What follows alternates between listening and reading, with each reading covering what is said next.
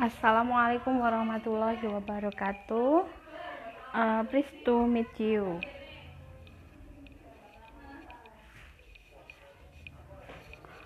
Okay, episode 1. Uh, thank you very much. Hello, I don't think we've met some Erics. Victor Tang. Pleased to meet you. And what company are you from, Mr. Tang? And then Ocean White. I'm sales representative for this region. Ah, yes, I know your company, your business. Let's look at the introduction. First, how did um, introduce himself to Victor who he didn't know. And then Sam said, hello. We can say hello in most situations. He also said, I don't think we we we meet. This I don't think we've meet is a good phrase to use if you want to meet someone new. Pleased to meet you is a good formal greeting for the most situation.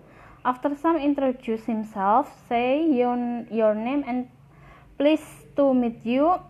and the Western tradition is to shake hand when you meet someone. Usually, when we, we first meet someone in a business situation, we want to find out what they do, what their job or position. Sam ask, and what company are you from? There are a few different ways to call us this. Let's try some of them. Uh, what company are you from? Which company do you represent? What's your line of business? We describe job, be saying I am or I am, and then name the position. Uh, when someone asks who you work for, it can be useful to also tell them what your job is. And then when meeting someone, it helps them if you offer information before they ask. The, this makes the conversation more relaxed. Now the best the business of name should we use for formal titles. this is our this is four parts of person introduction.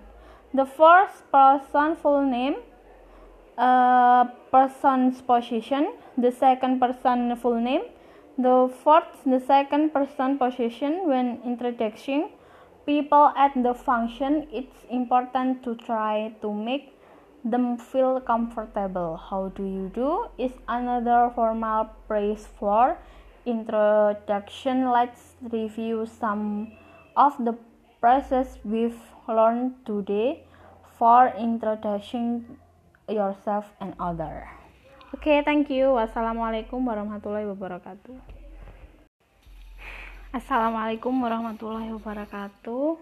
Uh, I'm Septi Titin, and then uh, contract law. Uh, number one, contract is any formal agreement between people or business. But whenever we make a contract, we are creating a legal relationship. Example, under John's employment contract, he gets the three weeks of vacation every year.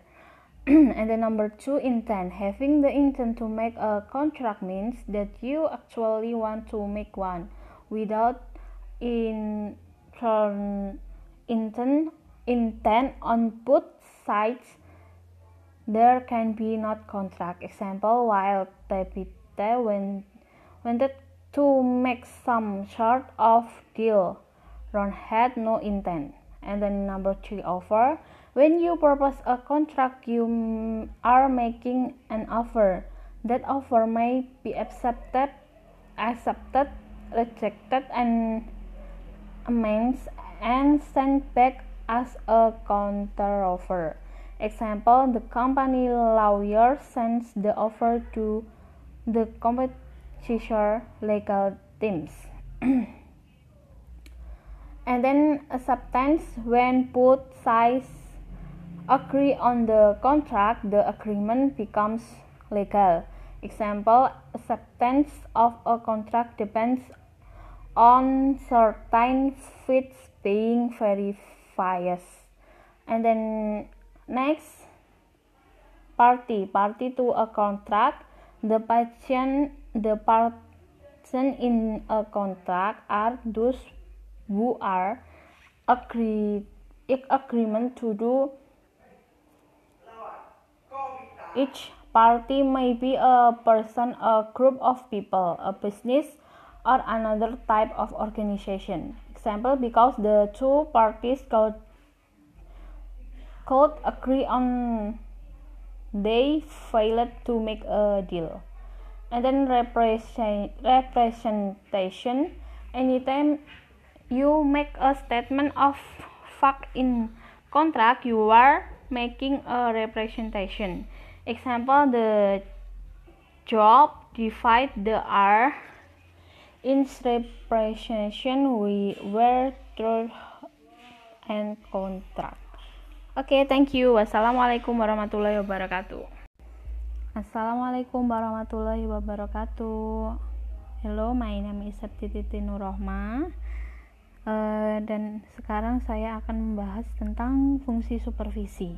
Menurut saya, fungsi utama supervisi pendidikan ditunjukkan pada perbaikan dan peningkatan kualitas pengajaran.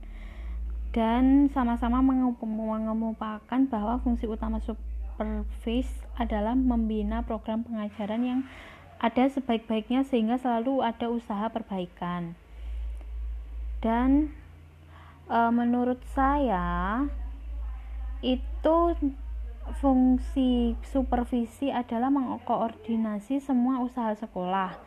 Yang kedua melengkapi kepemimpinan sekolah dan yang ketiga memperluas pengalaman guru-guru Nomor 4 menstimulasi usaha-usaha yang kreatif. Nomor 5 memberi fasilitas penilaian yang terus-menerus. Dan nomor 6 menganalisis situasi belajar mengajar. Yang ketujuh memberikan pengetahuan dan keterampilan kepada setiap anggota staf. Serta nomor 8 memberi wawasan yang lebih luas dan terintegrasi dalam merumuskan tujuan-tujuan pendidikan dan meningkatkan kemampuan mengajar guru-guru. Semen, apa itu setelah itu, sebagai bantuan yang diberikan kepada seluruh staf sekolah untuk mengembangkan situasi belajar mengajar yang lebih efektif. Oke, menurut saya seperti itu. Wassalamualaikum warahmatullahi wabarakatuh.